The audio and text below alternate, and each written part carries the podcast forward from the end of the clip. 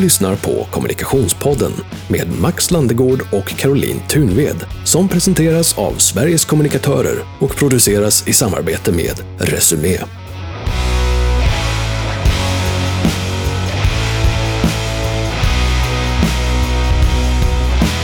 Varmt välkommen till Kommunikationspodden med Max Landegård. Och? Ja, Caroline Thunved. båda är vakna, båda är med. Kul att du som lyssnar lyssnar också. Har du tips på någon som du vill att vi ska intervjua i podden så kan du mejla till mig, max.storstadmedia.se eller till Caroline på Caroline.tunved svkom.se Yes, that's right. Hur står det till med dig? Fint! Mm. Det lackar mot jul. Ja, det gör det faktiskt. Eller det är väl typ eh, om någon dag eller så. Ja, det borde Ja. det faktiskt vara. Ja. Hur, eh, hur kommer du fira jul? Hemma med familjen, eh, lite så. Och eh, det är ju arbetsgivarens jul. Vi har ju, det är ju lite taskigt med lediga dagar. Mm. Men eh, vi får passa på när det ändå är. eh, så eh, men jag, jag är ju romantiker va? så jag tänker ju att eh, det bara om några dagar kommer vara eh, massa med snö på julafton kvar eller vad det nu kan vara. Och så där krispigt och härligt som det är i Mm, alla fint. Disney-filmer och så. Det är Mm. fint. Sen får du gärna töa bort. Ja, Mm. så kan det bli maj på en gång. Exakt. Ja, det skulle vara ganska skönt. Mm. Jag kommer vara i Dalarna. Mm. Jag vill ge barnen en klassisk jul. Ah, Där prästen kommer och läser ur julevangeliet. Och, den snälla prästen. ja, ja jag, jag, har, jag, jag, har, jag är inte bokat, vad hette han i Fanny Alexander? Exakt, det var nämligen han som dök upp i huvudet. Ja, Ja, usch. Läskigt. precis. Plikten Alexander. Mm. Plikten är det allra viktigaste. Mm. Eh, vad Men vad mysigt att åka till Dalarna. Brustenheten i vårt liv. Pastor, vad hette han? Vänta, jag måste kolla upp det. Eh, pastorn ja. Jan Malmsjö som spelar biskop Edvard Vergeros Mm. har jag för mig. Mm.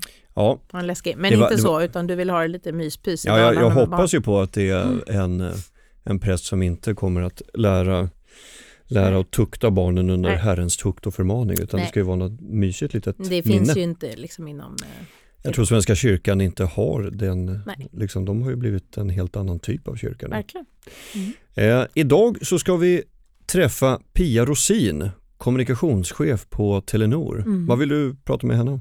Men, eh, hon har en jätterolig, spännande bakgrund. Så lite grann varför hon valde faktiskt, eh, varför hon gör det hon gör. För hon jobbar med kommunikation skulle jag tycka var spännande att höra. Ehm, och vad hon brinner för, liksom, vad hon ser. Hon är ju ja, på en ganska utsatt, hon är ju ett bolag som är på en utsatt marknad. Så hur Mm. tänker man och jobbar man då och vad är viktigt? Absolut.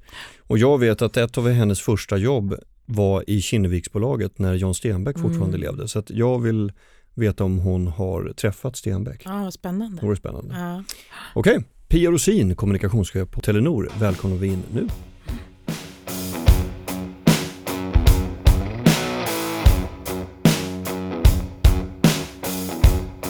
Pia Rosin, kommunikationschef på Telenor i Sverige. Varmt välkommen till Kommunikationspodden. Tack snälla. Kul att ha dig här. Du berättade att efter din ekonomutbildning i Lund så fick du ditt första jobb på Kinnevik. Och det var året innan Jan Stenbeck eh, dog. Så du började 2001 eller? Och sen så, han gick ur tiden. Du, du kan till och med datumet, vad var det?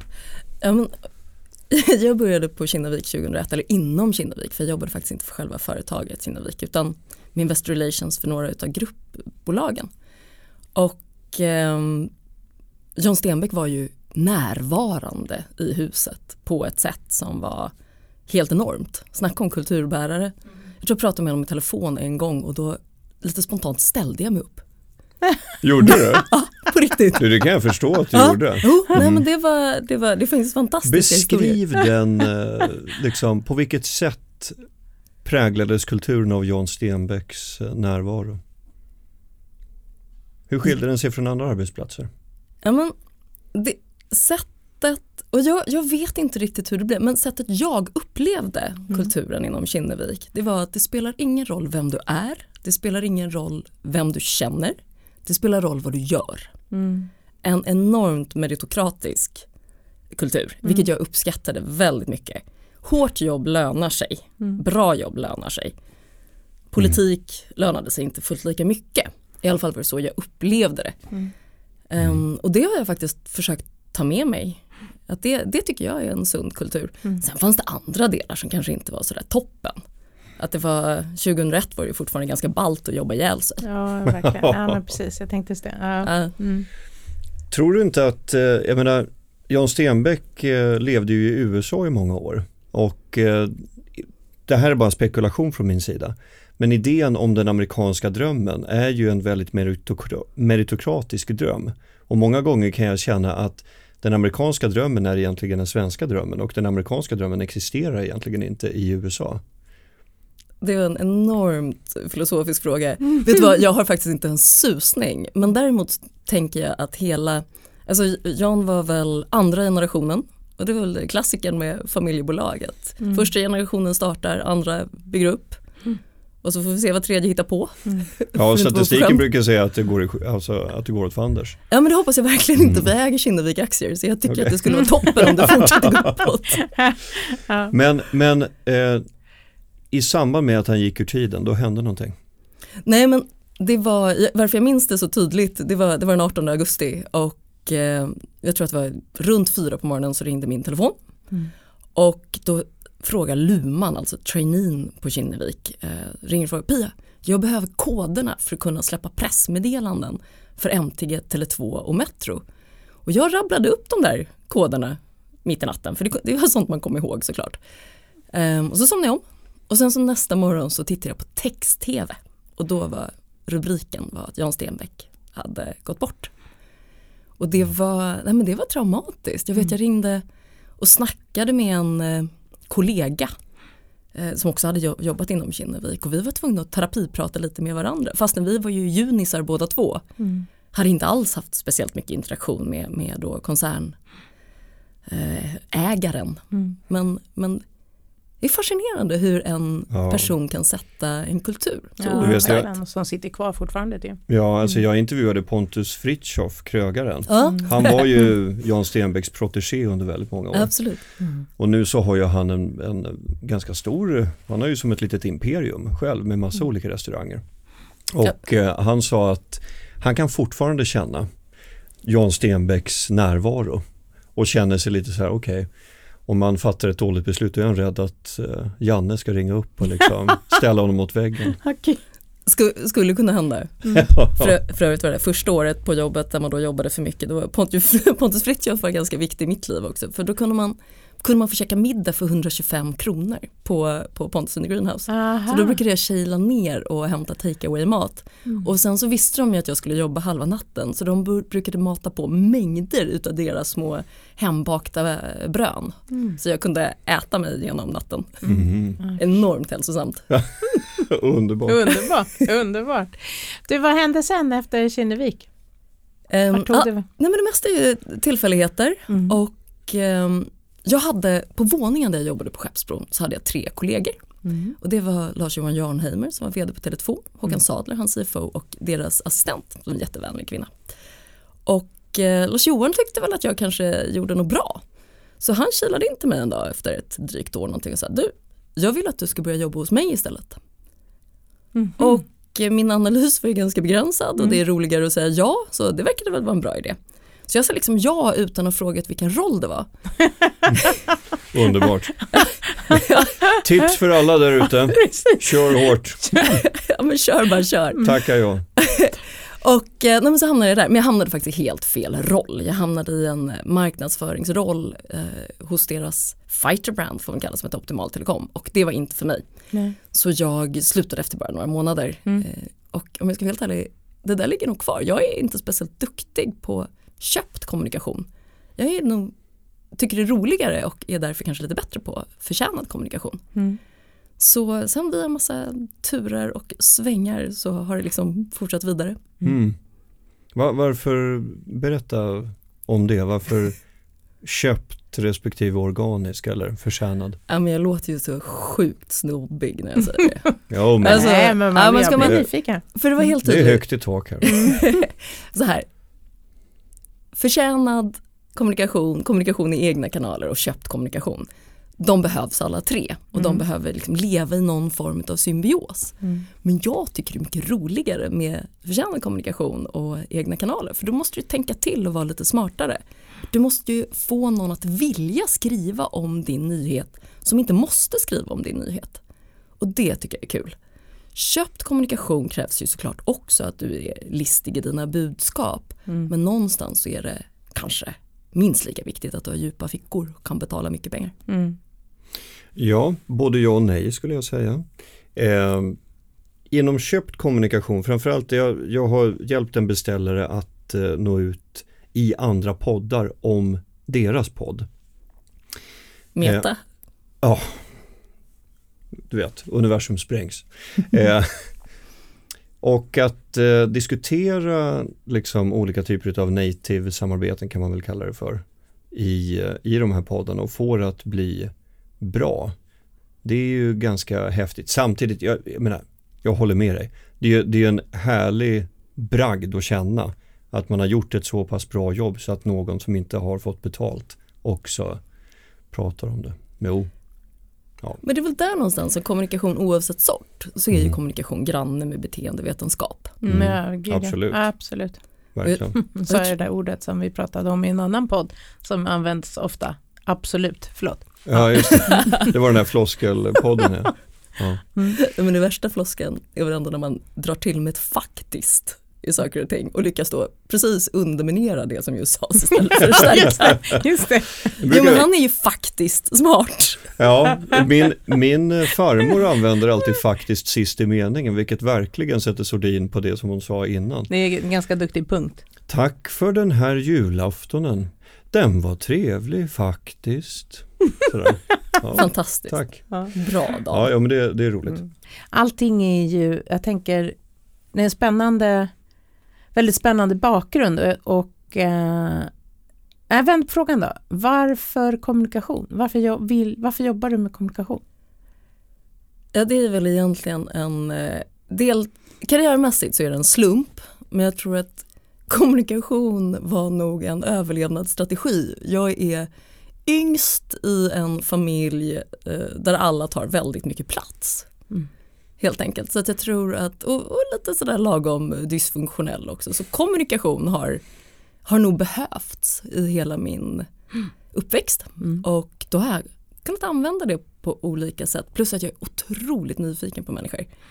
Så att jag har nog ganska ofta varit en liten iakttagare som har lyssnat in och försökt förstå hur personer fungerar Mm. och försökt, ja måste man väl erkänna, testa lite vad kan jag trycka på för att få en reaktion.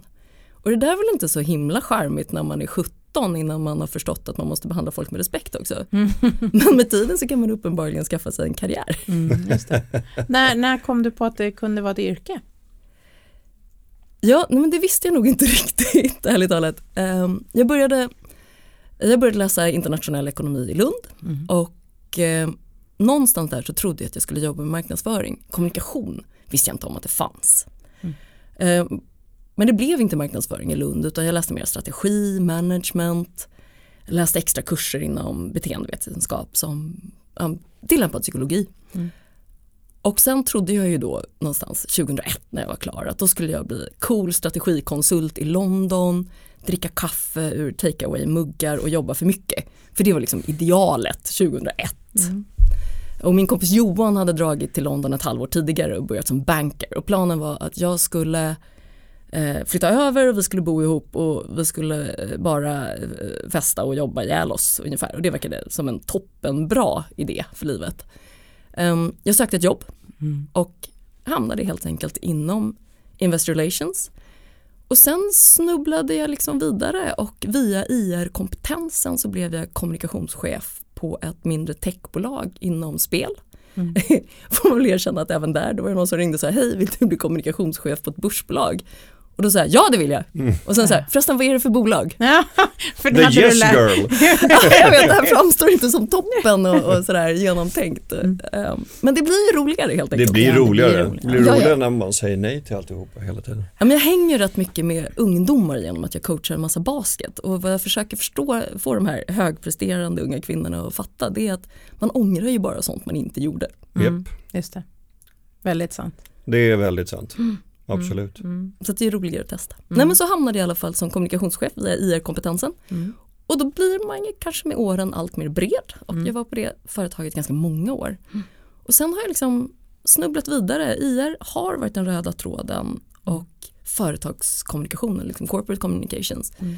Och nu på Telenor är det faktiskt första gången som jag inte har en IR-roll men jag har jag har snikat in mig till att få, få skriva lite pressmeddelanden i alla fall kvartalsrapporterna så att jag får leka lite med siffror. Vi har en förstående CFO som låter mig göra det. Mm. Men jag tror att det här med, med företagskommunikation och egentligen vår roll, min avdelningsroll på Telenor, Mm. det är att få bolaget valbart. Alltså att det ska vara ett, ett bra alternativ för folk som vill söka jobb, för folk som söker ett, en leverantör av teletjänster och, och produkter Mm. eller för folk som söker en samarbetspartner inom telekom. Mm. Så vi ska positionera Telenor som ett trovärdigt och ett kunnigt och ett sympatiskt företag. Mm. Jag tror ju faktiskt att likability är väldigt viktigt. Absolut. Så. Absolut. Verkligen. Ja. Så om vi lyckas med det jobbet och få ut våra fantastiskt duktiga talespersoner i olika sammanhang Mm. så kanske de här personerna som i målgruppen nästa gång när, när någon annan av kollegorna på företaget kommer in med mer taktisk kommunikation Mm.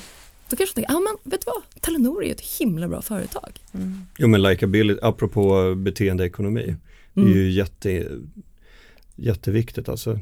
Det finns ju den här fyrfältaren, sant lojal, falsk lojal och Mm. du, du känner till den säkert. Ja, jag har säkert hört talas om. Eh, om att man, man kan tala illa om ett varumärke men man köper det fortfarande. Till exempel chips eller tobak eller Mm. någonting sånt. Sen kan man vara eh, sant illojal. Det är att man inte tycker om dem man köper inte. Sen kan man vara falskt lojal också. Till exempel när jag bodde i Årsta. Så älskade folk Årsta Folkets hus. Gud vad fint, jättebra. Vi behöver verkligen Årsta Folkets hus. Gick någon dit? Aldrig. Den är Men hård. Menar, den- Den är hård. menar du där det var ett fik, så det var svinkallt? Ja, alltså de har ju lite olika byggnader på Årsta torg. Ja men det var där, Ehm. jag bodde ju där en sväng vet du. Mm. Det var, det var ett fik, det var ett sånt där eh, vintage-café där en Ja, stund. exakt. Ja, men det var när jag bodde där. Det var svinkallt, Ja, det, ja, det kanske det var. alltså i huset. Ja, jag, jag- tänkte aldrig på det. De hade väl inte råd att värma upp det för ingen var där. Men eh, din, din bakgrund är ju ekonomi. Ja. Det är där, där har du din utbildningsbakgrund. Vi har ju andra kommunikationschefer som kommer från liksom mediekunskap, journalistik, alltså sådana saker. Eh, hur tror du skillnaden är i exeku- exekution? Jag tror att jag använder Excel väldigt mycket mer i mitt jobb.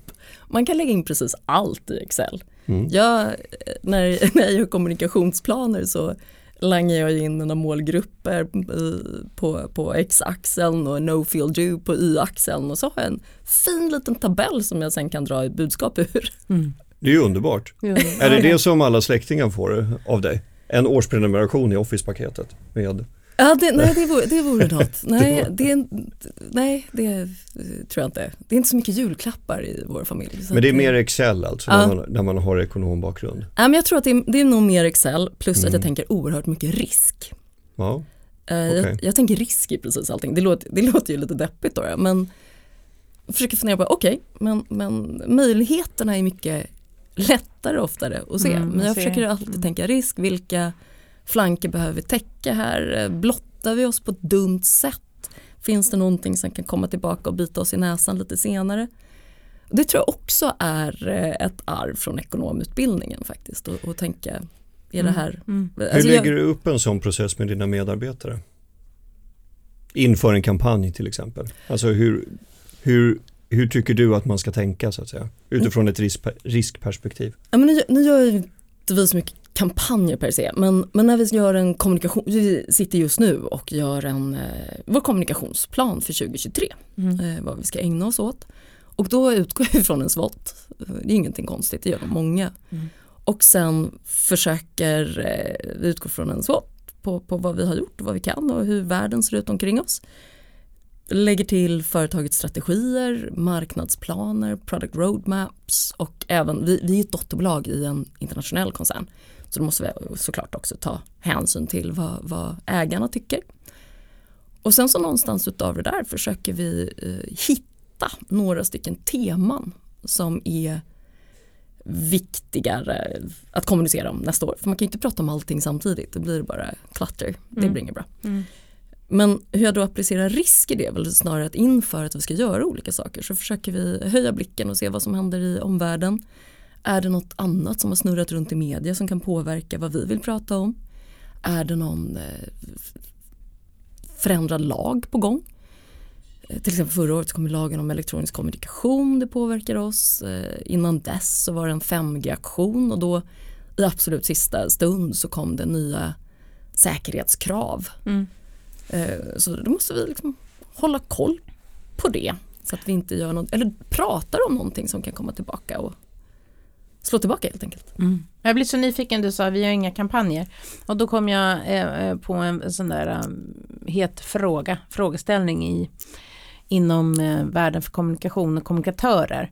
Hur är Telenor organiserade? Vem, alltså det, det, det är ju lite olika. Eh, kommunikationschefen sitter i ledningsgrupp eller marknadschefen sitter i ledningsgrupp eller ingen utav dem eller båda två eller och huvudfrågan är så här, vem äger varumärket? Men, och hur ser det ut hos Telenor? Hur, hur jobbar ni?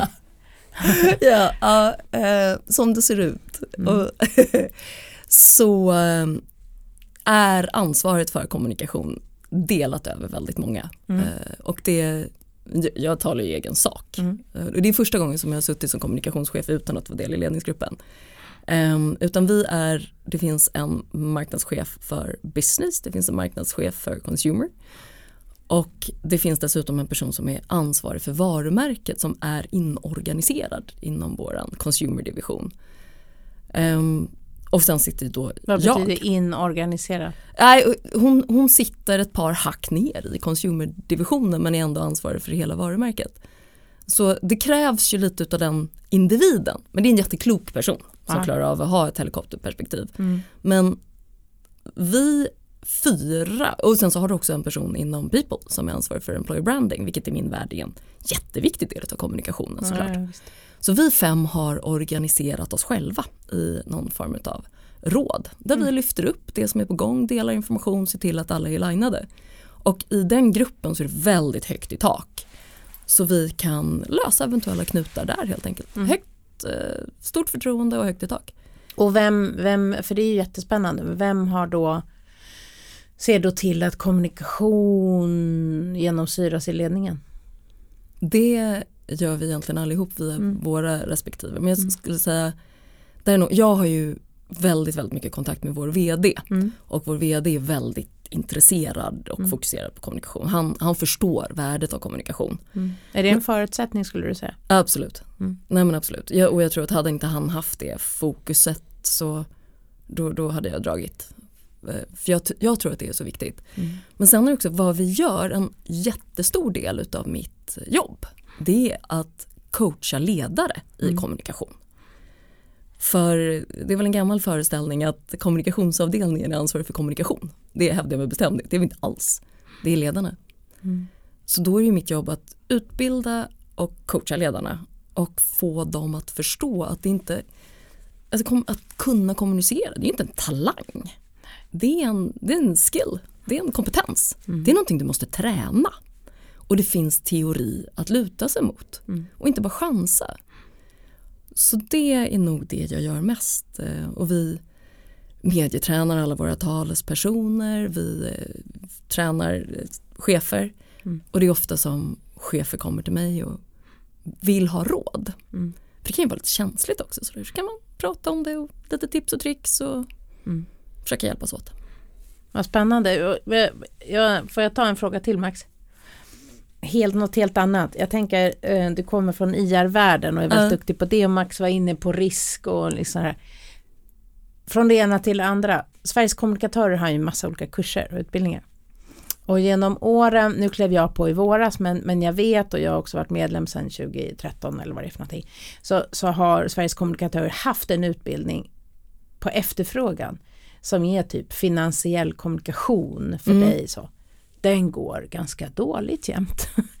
Nu kanske jag yppar oss här i, i eten. Men, eh, den är efterfrågad men det är ändå ingen som kommer dit just. Vilken, Och, alltså sj- själva utbildningen, kursen, finansiell information eller kommunikation, att jobba med IR, att jobba, eh, eh, att kunna kommunicera ehm, finansiell information. Men Hela det- den. Och vad, Ja. vad skulle, om du skulle skapa en sån utbildning, vad skulle liksom... Ja, men först måste jag, det, det finns lite olika målgrupper. Om, om jag hade suttit som IR-chef Mm. så har jag ju dels den externa målgruppen. Mm. Eh, men jag skulle säga att kärnan och också såklart den interna målgruppen att få medarbetarna att förstå. Men kärnan någonstans det är ju att förklara hur historisk prestation, strategi och ledning egentligen, alltså personerna som ska utföra det, hur det där hänger ihop Mm. och koppla samman vad som görs med strategin och hur det har gått och samtidigt kunna förut, eller snarare ge målgruppen, alltså ägare och analytiker förutsättningar att kunna förutspå vad som kommer hända framåt baserat på, på känd information. Mm. Och jag tänker att målgruppen för en sån utbildning eh, IR-ansvariga på företag kan ju ändå ha en kommunikationsbakgrund Mm.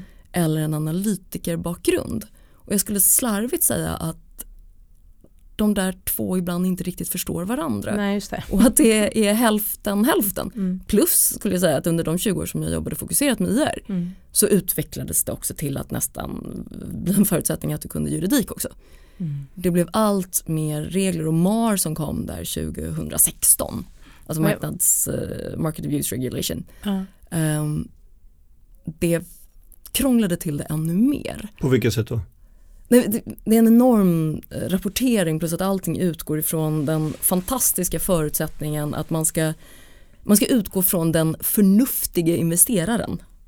Och då undrar vän av ordning, hur beter sig hen? Vem är förnuftig? Vad är det att vara förnuftig? Och om alla hade varit förnuftiga och agerat rationellt, då hade ju inte funnits några arbitrage på marknaden, så då hade ju ingen handlat i aktier. Så att det är liksom bara dumt, tycker jag. Förlåt, det var Mm. något av en värdering i det där. Ja, men och, Ja, men det, det gillar vi här i kommunikation. Ja, och jag bara tänker, vi hade Fredrik Lindström på frukost förra veckan och han pratade ju det här med att vi, vi svenskar älskar och tror att vi är så rationella och styrs i 95% av känslor rakt igenom. Alltså när jag, när jag raljerar, vilket händer lite för ofta, då brukar jag hävda att marknaden är ungefär lika rationell som en 16-årig kille som just blivit dumpad av sin flickvän på fyllan. Ja, Ja. det ligger nog någonting i det. Det, Ja. Ja. Det är därför men- det är roligt med aktier också. nej, men det är Mm. jättekul och det är Mm. jättekul att man kan försöka hitta så mycket information som möjligt för att dra sina slutsatser för alla försöker ju vara lite smartare än de andra. Det är också roligt att, att vistas i ett sammanhang där alla tror att de är lite smartare än alla andra. Ja, det, Ur Ja. ett sociologiskt perspektiv. kanske, kanske inte varje dag men. Men tror du inte att det, det handlar lite om det också? jo, Myndigheten för psykologiskt försvar eh, har ju instiftats och grundats eh, i vår närtid. Och eh, de, en av deras mantran som de ofta upprepar det är att eh, även om du tror att du aldrig kommer kunna låta dig påverkas så har du med all säkerhet redan gjort det flera gånger. Ja, men det är klart att man påverkas precis hela tiden. Och jag tror att det dummaste man kan göra är väl springa runt och tro att man har koll på grejerna. Alltså, och klokast av alla är Sokrates för han vet att han ingenting vet. Ja, exakt. Precis. För 2000 år sedan. Ja, Ingen har följt hans tips. nej. Eh, Jag lyckades faktiskt få en kollega som är grek att skriva ner det där på gammal grekiska för jag tänkte det skulle vara oerhört snobbigt att kunna säga det. Jag har aldrig lärt mig uttala det men jag tror jag fortfarande har det i min telefon. Vad kul! Vadå, alltså fonetiskt då så att man kan? Eh, ja, Mm. Ja, för jag utgår ifrån att du inte kan läsa gammal nej det är grekiska. korrekt. Ja. Det är många saker jag inte kan, bland annat det.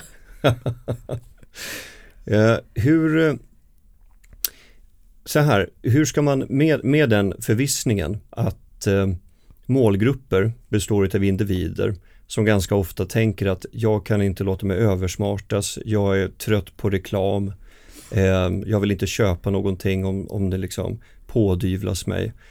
Hur ska man nå fram till ett säljögonblick då? Men det här, det här tycker jag är på riktigt intressant för att man utgår inte ifrån vad du vill sälja till att börja med.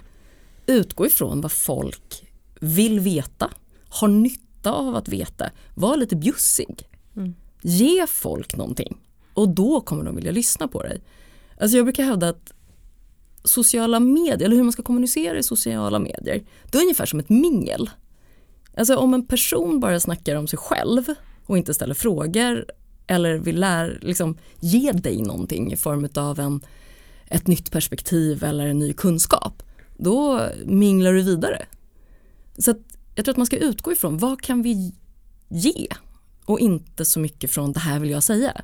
Vad kan Telenor göra vi, i det sammanhanget? I, I, det sammanhanget så tror jag att vi kan, vi kan ge kunskap. Um, vi kan berätta om att eh, hur man skyddar sig från eh, bovar på internet genom dels smarta tjänster men också ett bra beteende. Vi kan berätta om eh, skillnaden på olika wifi-routrar. Det är säkert många som har en wifi-router hemma. Men det är ganska få som vet att på precis samma sätt som det finns 3G, 4G, 5G i telefoni så finns det olika standarder på wifis. Så wifi 6 är det man ska ha. Och då kan vi berätta om det eller vi kan berätta om vilka mm vilka tekniska prylar som drar olika mycket energi i olika sammanhang. Det kan ju mm. vara aktuellt just nu. Vad roligt. Vad rolig. Han du, ja, jag tänkte direkt, shit undrar vad vi har hemma, jag måste gå hem jag, och kolla. jag vet att vi här, här har vi Wifi 6. Ja, det, det, det är det bästa. Ja, Dashit, det hem, hemma vet jag faktiskt inte. Det måste jag kolla. Jag kan säga att när, när jag och min fru, vi flyttade för ett år sedan ungefär. Mm. Och då hade ju fördelen att jag har min kollega Martin som en av Sveriges vassaste experter på just det här. Så jag, jag hade honom på, på ett, ett Teams-möte och filmade var jag placerade routern och hur det skulle se ut och hur det skulle bli bra och sådär. Underbart. Nu är han också världens snällaste människa så han, han, han hade stort tålamod. Han kan få min hemadress. ja, alltså, det där som man förut sa så här, om du, om du har en riktigt god vän, det är den personen som mitt i natten kan hämta dig på Arlanda. Men jag tycker det är ekvivalent med att vara med på en videokonferens och berätta hur du ska installera wifi också. Mm. Det är, det är lite samma, samma kompisnivå. Liksom. Ja, men det, det, ja, men man ska ju ha bra kollegor. Jag fick göra det med min, äh, återigen till min farmor här. Hämta henne på Arlanda? Nej, men jag skulle, jag, skulle installera, jag skulle hjälpa henne att installera en dator. Men det, var, det här var alltså innan det fanns video, videomöjlighet på telefoner. Och så höll vi på att trockla där vet du. Hur mycket som helst. Eh, och hon visste ju ingenting och det var över telefon. För jag kunde liksom inte komma dit just då. Så efter kanske en timmes samtal så frågade jag, hur, eh, hur ser det ut nu då? Vad, vad ser du på skrivbordet? Har du några ikoner där? Nej, ikonerna hänger på väggen. Okej, okay, men, om du, men jag menar så den här, så förklarade vad ikon ska vara. Dubbelklicka på den. Ja, och så gjorde hon det. Okej, okay, har du något fönster öppet nu? Nej, men dörren står lite på glänt. Och jag bara, God! Det här är så, så bra. Det här är så jag, bra. Då fick jag lägga på. Nu räcker det. Hon, hon, sa inte det att nu har du hjälpt mig. Nej, hon Faktiskt. avslutade väl med, det, nej, hon, det var ett bra samtal Max. Nej, men hon, Faktiskt. Ja, nej men hon blev ju arg liksom. Att jag inte visste någonting liksom, men om hur man installerar datorer. Men det där är ett perfekt exempel. För hon vet ju lite mer än vad andra människor vet. Mm. Jo men det här är också ett perfekt exempel på att det är målgruppen som bestämmer när kommunikation är lyckat och Absolut. inte sändaren. Absolut. Och det där är det en och annan som inte ja. riktigt eh, begriper. Eh, eller ja, har respekt för snarare. Där sa du verkligen något. Och det, det, är målgruppen som bestämmer när kommunikationen är lyckad. Jag, jag håller helt och hållet med. För massa år sedan så, så coachade jag små tjejer i basket och sen mm. så hade de skjutit från högersidan av korgen. Och då så ropar jag byt sida. Som i min värld betyder skjut från vänstersidan av korgen. Och då ser man ju liksom 15 småchippar som pinnar över till andra sidan planen såklart. Mm. Och skjuter från högersidan från den korgen. Mm. Men jag tänker, ska vi återknyta till din ja. IR-kurs ja. lite? Ja, där var vi. Jag, jag tror så här, mm. att, gör, att kommunicera det, det man sällan pratar om i IR, man, man pratar om börskurs upp och ner och höger och vänster. Mm. Att få kursen att gå upp eller ner 15 procent, det kan man greja på en eftermiddag. Det är inte ett problem. Det blir ett problem när kvartalsrapporten kommer och facit Vänta, vänta nu. Nu, nu, nu, nu sa du något som fick hela alla som är nya in på aktiemarknaden och bara, vad sa hon? Att Vad få kursen att gå upp Ja. 15 procent med eller det för, är det verkligen så? Jo men det, det är klart det är så. Och då kan man ju säga, ändå så kan man ju fuska och ägna sig åt marknadsmanipulation. Det är en dålig idé, jag tror att det är typ sex års fängelse eller något sånt där. Ja. Men, men det är klart att du kan låta positiv eller inte. Jag hade på ett företag där jag jobbade, då, då var det en, en, en investerare som ringde dagen innan rapport. Varje, varje kvartalsrapport i sex års tid. Så ringer jag så här, ja, hur är det nu, ska jag lägga ölen eller champagnen på kylning? Och då i sex års tid, varje kvartal, alltså sex gånger fyra, så sa jag att det beror på vad du ska äta. Men han tyckte att den var listig. Men det är klart att man kan få, men eftersom börsen tror sig vara rationell och också söker toner och nyanser. Har en vd en dålig dag och inte låter lika upbeat som hon eller han brukar göra så kan det tolkas som att det går dåligt för företaget. Men egentligen kan det ju vara att vederbörande har bråkat med sin, sin respektive på morgonen. För det är också en människa. Så, så att det är lätt att göra, men det man inte pratar om vad det gäller aktier, tycker jag tillräckligt mycket, det är likviditeten. Alltså att aktien handlas mycket. Det tycker jag man pratar om alldeles för lite.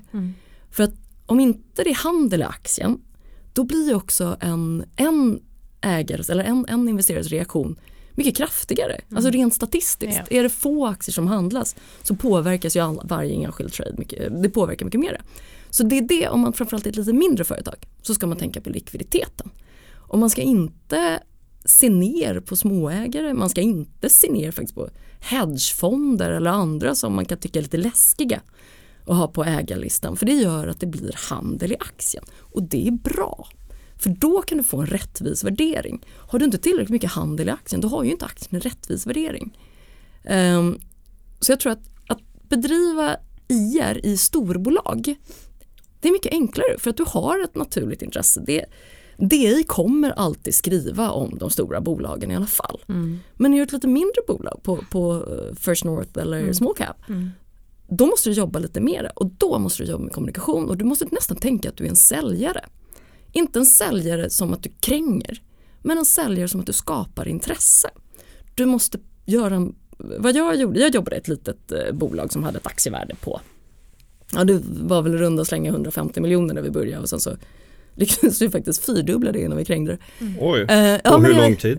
Eh, fyra år tror jag. Oj, Det var, en, det var en fantastisk, men då började Mm. vi väldigt lågt också. Jo men, Nej men det var, det var faktiskt en otroligt Ja, men det- bra vilken affär. jävla verkligen. bragd. Synd att jag inte ägde så mycket aktier där. Jag fick, Ja. en, jag fick ett rejält handslag och en lunch av min vd. Mm. Ehm, men i alla fall, Gratulerar. ja men tackar, tackar. Mm. Nej men vad vi, vad vi gjorde, eller jag gjorde med IR, det var att jag satte upp mål. Jag bestämde, för att men på våran lista över de tio största ägarna, då ska vi ha två utav storbankerna. För det ger kredibilitet till det här lilla bolaget. Dessutom ett bolag inom gambling och, och spel och då behöver du ju verkligen få trovärdighet. Ehm, så, och nu, nu är vi alltså någonstans för 15 år sedan. Ehm, och efter varje, ja men två storbanker och Didner och Gerge som då var, var liksom finast i stan, det var, de var bäst. Så att såklart efter varje rapport, eh, kontinuerlig kommunikation med dem, hej, såg ni att vi rapporterade, har du några frågor, vill du träffa vd? Eh, kan jag hjälpa dig med någon data om branschen? Kan jag hjälpa dig att förstå vad vi håller på med?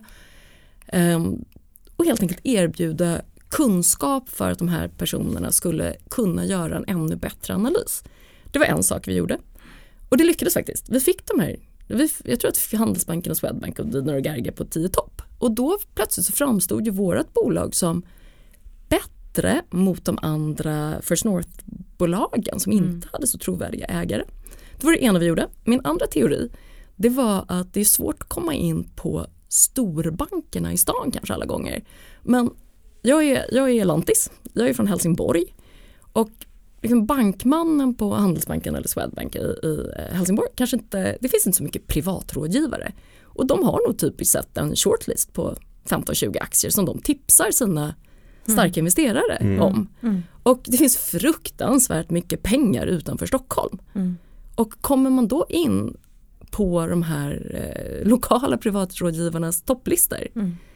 Så att vi gjorde Smart. vad vi kallar för en liksom, lokal roadshow. Ja. Och det handlar ju liksom bara om att, eh, och också en sån sak som, jag var ofta med på aktiespararnas träffar ute i landet och så vidare. Mm. Och behandlar alla ägare med respekt oavsett om det är en slick 37-åring på Stureplan eller en eh, lantbrukare i Östergötland. Det spelar ingen Mm. roll.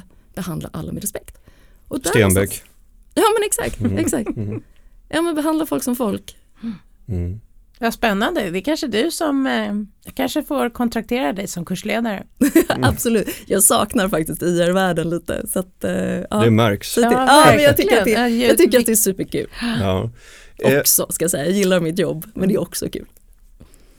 telefoni och IT är precis som kranvatten och el. Saker man bara tar för givet, det ska Ja. funka. Liksom. Så att ett, från mitt perspektiv är det en låg engagemangsprodukt. Liksom. Där differensen egentligen bara är pris. Visst är det knepigt? Det, är så jag tänker på det. Hur, hur ser man till att dels ha en bra marginal på affären och att det på riktigt är differentierat mot andra? Jag tänker liksom point of parity och point of difference. Men Där, där handlar det om, om att försöka differentiera hur vi erbjuder eh, våra produkter och också utöver. Vad, vad kan vi erbjuder, Vi pratar om beyond connectivity och det tror jag ärligt talat att alla telebolag gör. Um, men vad kan vi erbjuda mer för tilläggstjänster som är nyttigt för, för våra kunder? Och om man backar bandet ett litet tag så lanserade Telenor liksom, familjeabonnemang för några år sedan och då var det nytt. Att du inte behöver ha ett abonnemang för varje individ utan du kan ha ett familjeabonnemang och, och med en massa abonnemang under. Då var det nytt och det kopierades såklart av många andra i branschen för det var en bra idé. Och, eh, men vad vi pratar om nu det är mera ja, men ett abonnemang för de du kallar familj. Vilket innebär att du kan, du kan dela abonnemang med en kompis. Eller med farmor, faktiskt. Ja, just det. Det är... ehm, Måste bara hjälpa henne att installera. exakt, exakt, det är nedsidan. Du får ringa till vår kundtjänst, de är snälla. Ja. Ehm, nej men, så att jag tror att det handlar om att vad, vad mer kan vi erbjuda? Vi var inne på säkerhet lite grann tidigare. Och se till att vi kan erbjuda olika tjänster för att du ska hålla dig trygg, för att du ska Alltså vi har en försäkring mot nätkränkning och Internetstiftelsen kom ju med en massa data kring all skit som händer, framförallt våra unga på nätet och vi har själva ett initiativ vi kallar för nätprat som handlar om hur vi som är föräldrar eller viktiga vuxna ska prata med barn och unga om deras upplevelse på nätet och för dem att Mm. öppna upp för att man ska kunna hjälpa. Så liksom inte döma utan lyssna. Så att jag Viktig tror att fråga. Ja men enormt viktig och vad jag gillar, eh, vi har inga barn, har valt bort det. men jag springer runt och fåfäng och tror att jag är en ganska viktig vuxen i en del ungdomars liv. Mm. Och jag gillar att Telenor öppnar upp det där. För de du kallar familj, för viktiga vuxna. Och det är liksom ett sätt att se på världen som jag tycker väldigt, det passar mig väldigt bra. Jag gillar det. Mm. Det, det kan finnas fördelar med att välja bort barn. Jag läste, jag har tre barn. Jag, jag läste det, The Economist igår. Ja. Att eh, storhjärnorna hos både män och kvinnor som är förstagångsföräldrar krymper när de blir föräldrar. Cerebrum, cerebrum eller storhjärnan som det kallas då, den, den, den krymper när du blir förstagångsförälder. Och jag delade det här på Facebook och så skrev jag, jag hade tänkt skriva något fyndigt om det här men min förmåga till abstrakt tänkande, intellekt, konstnärlighet och språk är dessvärre decimerad.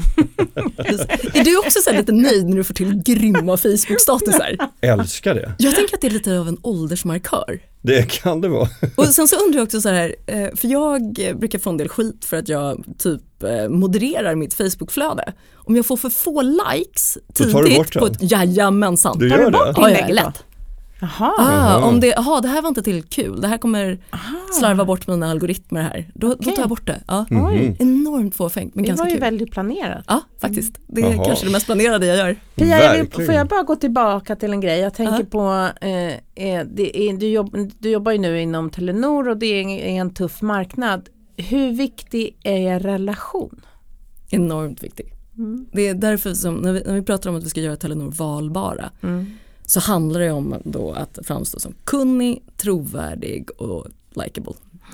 Och då måste man ju liksom ställa upp, du måste vara bjussig, du måste bjuda på kunskap men du måste också ge service när det behövs så att du kan lita på den här Mm. leverantören. Att du, du blir inte lurad, det är transparent vad saker och ting kostar eller inte kostar och så vidare. Mm. Och där får ju alla telebolagen ibland en del skäll Mm. för att eh, nej, blir, om kundtjänst inte har levererat. Mm. Och det är någonting som vi jobbar väldigt mycket med just nu. Hur vi ska kunna öka kvaliteten ännu mer. Mm. Mm. Ja, vi, eh, eller rättare sagt utifrån eh, eh, man tittar på ledarskap just nu så, så är det ju många som pratar om och vi på Sveriges kommunikatörer om att liksom, det nya ledarskapet in är relationsskaparna. Um, därför att allting annat går att köpa. Ja. Eh, och eh, jag tycker ändå, eh, jag är så otroligt intresserad av det här området för jag stöter ändå på i mitt yrke, i min omvärld, bland medlemmar och i mitt egna liksom, privata liv ganska inte så bra relationsskapare. Eh, Hur alltså- tänker du då? Ja, men jag tycker att det är många stora bolag, storbanker framförallt just nu i den tiden vi är med de utmaningar som finns där. Eh, att, man är, att man inte värdesätter relationsbygget. Eh, Nej. Och det där är ju alltså det, det känns ju väldigt kortsiktigt någonstans. Det har Mm. väl alltid varit någon form av sanning att det är lättare och det är mer effektivt att behålla en kunden och hela tiden skaffa nya. Absolut. Ja, gud. Sådär. Men, men, eh, så det verk... men jag, jag förstår det där du menar med bankerna framförallt. Det är väl ett jättebra exempel för det Mm. blir vi, vi som konsumenter shoppar runt. Själv nu, nu, jag är ju 46 på mitt 84 år ibland. Men jag är lite, jag, jag har haft Handelsbanken typ sedan alltid. Men jag hade en magisk eh, bankkvinna. Eh, och hon har gått i pension. Mm. Och nu Och den här berättelsen Nu är det inte riktigt så vanlig. Ja, och jag Ja. förstår ju samtidigt att det kostar min bank mer pengar. Och jag är liksom lite grann beredd att betala för det också. Mm. Men jag vet inte riktigt om det är så det funkar för nu upplever jag att jag betalar lite mer utan att få den tjänsten. Ja. Och samtidigt så vill jag inte byta, det där är klurigt.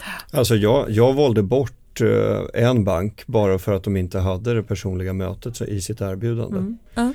När jag skulle förhandla om ett, ett nytt lånelöfte så fick jag prata med åtta olika personer under två dygn ungefär. Mm. Det var inte ens samma person i andra änden av telefonen. Nej. Och det var samma orienterande frågor inledningsvis. För mig som privatperson Mm. så är det ganska, jag menar det, det omgärdas av en del integritet att prata om sin ek- privata ekonomi. Jag tror inte att jag är ensam om det. Mm. Och att då hela tiden få nya frågor. Okej, och du lever tillsammans med AHA och eh, du tjänar si och så och, Mm. och de här, vad har ni gjort där och renovering och de, och de verkar inte liksom ha katalogiserat så värst bra heller. Och så vill de ha liksom en personlig bedömning och sådär. Mm. Gånger åtta. Och då Mm. sa jag, vet du vad, vi stryker det här. Mm. Jag vill inte ha mer att göra. Och de Mm. bara, ja, men vi har ju ett pågående ärende, ja, vet du vad du kan göra? Stäng det ärendet, Mm. för jag kommer byta bank. Mm. Men, men det där är, och sen har jag 100% respekt för att, att det är en massa olika saker som påverkar liksom ens Mhm. bankbeslut och det är klart att absolut lägst ränta Mm. kan vara det som är, är viktigast. Mm. Självklart. Mm. För, för mig så handlar det här med relation, det, det, det är verkligen det. Jag har varit arbetslös i perioder. Mm. Ehm, och jag vet vid ett tillfälle så var, var efter vi hade sålt det där bolaget, eller vi, det här börsbolaget som, som ökade i värde så mycket. Mm. Efter att det var sålt så fick jag ett erbjudande om att följa med Mm. till eh, det företag som köpte det. Det var ett bolag i USA och jag var med på en sån här top 50-konferens i Las Vegas, stort halabaloo, det var bara coolingar där och lilla jag. Um, för övrigt så, jag vet inte om ni har sett en film som heter Coach Carter. Han var inspirationsföreläsare och jag är ju basketmänniska då. Så att jag lyckades ju göra mig osams med honom när han sa att tjejer kan bara motiveras genom att de får gå till the mall efter matchen. Då var jag ju tvungen att opponera mig en smula. För brudar gillar också att tävla. Ja. Mm. Eh, men hur som helst var jag tvungen att göra eh, push-ups på en scen där. Jag har aldrig gjort så bra armhävningar i hela mitt liv. Men, men i alla fall, eh, på den här konferensen så lärde jag mig också att eh, mina coola kollegor, de, eller kommande kollegor, de käkade liksom piller för att vakna och käkade piller för att gå och lägga sig och någon nämnde att hon hade ett coolt hus i Carmel men hon hade inte varit där på tre år. Och då gick ju alla mina varningssignaler igång att vänta, det här är inte det liv jag vill ha. Nej. Så då valde jag att säga upp mig. Och då var jag utan jobb ett tag och i, samma veva höll jag och min fru på och vi ville väldigt gärna hitta en sommarstuga någonstans. Eh, och då så pratade jag med banken, då den här bankkvinnan. Ja men jag, jag har inget jobb. Liksom. Hon bara, nej men Pia, jag känner dig. Fortsätt leta, det kommer ordna sig med jobb. Och hittar ni rätt ställe innan du har ett nytt jobb så då, då, då löser vi, vi tar tag i det då och hittar Skulle en plan. aldrig hända Skulle idag. aldrig hända Nej. idag. alltså. Aldrig Exakt. hända Nej. idag. Jag har varit med om samma sak när, när jag och min fru köpte vår första lägenhet i Årsta. Då var det också lite svajigt på olika sätt. Det löste sig ändå. Mm. Mm. Vi skulle aldrig göra det då. Och, det, och den Excel. Typen av trygghet, exakt, den, den typen av trygghet kan man betala lite mer för. Och man Ja, fattar ju att det gud. kostar. Ja, jo det, det Men- kostar. Men min, min oroliga själ hade uppskattat det. Men, men det är olika saker som är Men jag Mm. tror inte att det är hållbart. Jag tror inte att de som idag kallar sig storbanker, eh, alltså de äldre gamla bankerna, som, som liksom, för det finns ju andra storbanker som är liksom de större bankerna. Eh, det kurrar i min mage något enormt. Ja, jag, jag hörde inte det. Men, men nu, nu, nu, Nu fick vet alla reda det. på att, att, att det gör det. Ja. Ja, det, det, jag tror inte ehm, jag tror inte att det är hållbart. Nej, jag tror inte Det är för jag att det, det, det är inte, nu är vi i en tid där självklart väldigt många pratar om sin bank eh, och med sin bank eh, därför att det finns ett stor, stor eh, oro. Sen läste jag en enormt intressant artikel eh, från eh, SBABs eh, eh, ekonomi eh, han är professor inom nationalekonomi och deras eh, eh, finansiella talesperson liksom, eh, i en av de stora tidningarna i helgen som har tittat på amorteringskravet och hur faktiskt liten del, så jag lärde mig något jättenytt i helgen, hur liten del av Sveriges befolkning som faktiskt har bolån. Och som, hur liten del av Sveriges befolkning som också berörs av en eventuell amortering eller befriande amorteringskrav. Jättespännande. Hur stor andel var det? Vet du det? Nej, det var, det var jag Men du får skicka med länken sen. Ja, det för det skulle var intressant. jätte, och... jättespännande. Men det är väl lite så här Stockholms innerstads arroganta nu och glider runt och tänker att alla har en massa lån. Ja, ja. Och, För och, banken är ju min, mitt livs längsta relation. ja, och Den jag kommer jag aldrig bli av med. blivit, jag har insett att jag är i någon slags bubbla för jag har blivit matad av att vi alla har en sån en enormt hög skuld. Det, har, det är många som har det också. Mm. Men, men i, i den artikeln så lyfte han ju också en väldigt spännande siffra av hur många som har inte ens har lån på sina bostäder. Mm. Det är De har cashat det. Ja, Mm. det är väldigt nyttigt att bli påmind om verkligheten ibland. Ja, gud. Jag är lite förtjust i, i det kallas väl kommunikativt ledarskap Mm. som någonstans hittades på med Mitthögskolan och Volvo eller vad det var. Mm. Ehm, så, och som sagt, jag är ju ekonom. Så det finns en fin liten graf som visar vad som krävs om du vill ha commitment. Så tänk att du har commitment på en axel och sen så har du hur du då kommunicerar utifrån egentligen no feel do på den andra axeln. Så att krasst, drar du ett mail, ja du kanske får fram information men du får inget commitment. Och i andra änden då, om du vill ha ett högt commitment, då behöver du engagera medarbetarna i dialog, i att sätta mål, de måste ha möjlighet att ställa frågor och kunna påverka och så vidare. Och där, då kan du få ett rejält commitment på att leverera på det här, mm. vad det mm. nu är för någonting. Mm. Det var det hon ville ha, hon ville ha mm. commitment mm. genom enkätsvaren. Exakt, Fuck. men jag tänker så att genom det där enkätsvaret så får du liksom inget commitment. Eller genom att du kommunicerar via appen så får du inget commitment. Nej, men fakta leder till slutsatser och hand, eller känslor leder eh, till handling. Mm. Ja, absolut. absolut. absolut. Apropå beteendevetenskapen och kopplingen till kommunikationen. Pia Rosin, kommunikationschef på Telenor. Stort tack för att du ville vara med i Kommunikationspodden. Varmt tack Tack Pia. för ett trevligt samtal.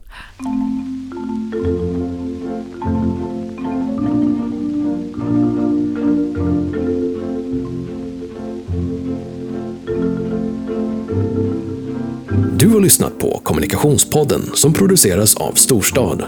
Tack för att du har lyssnat.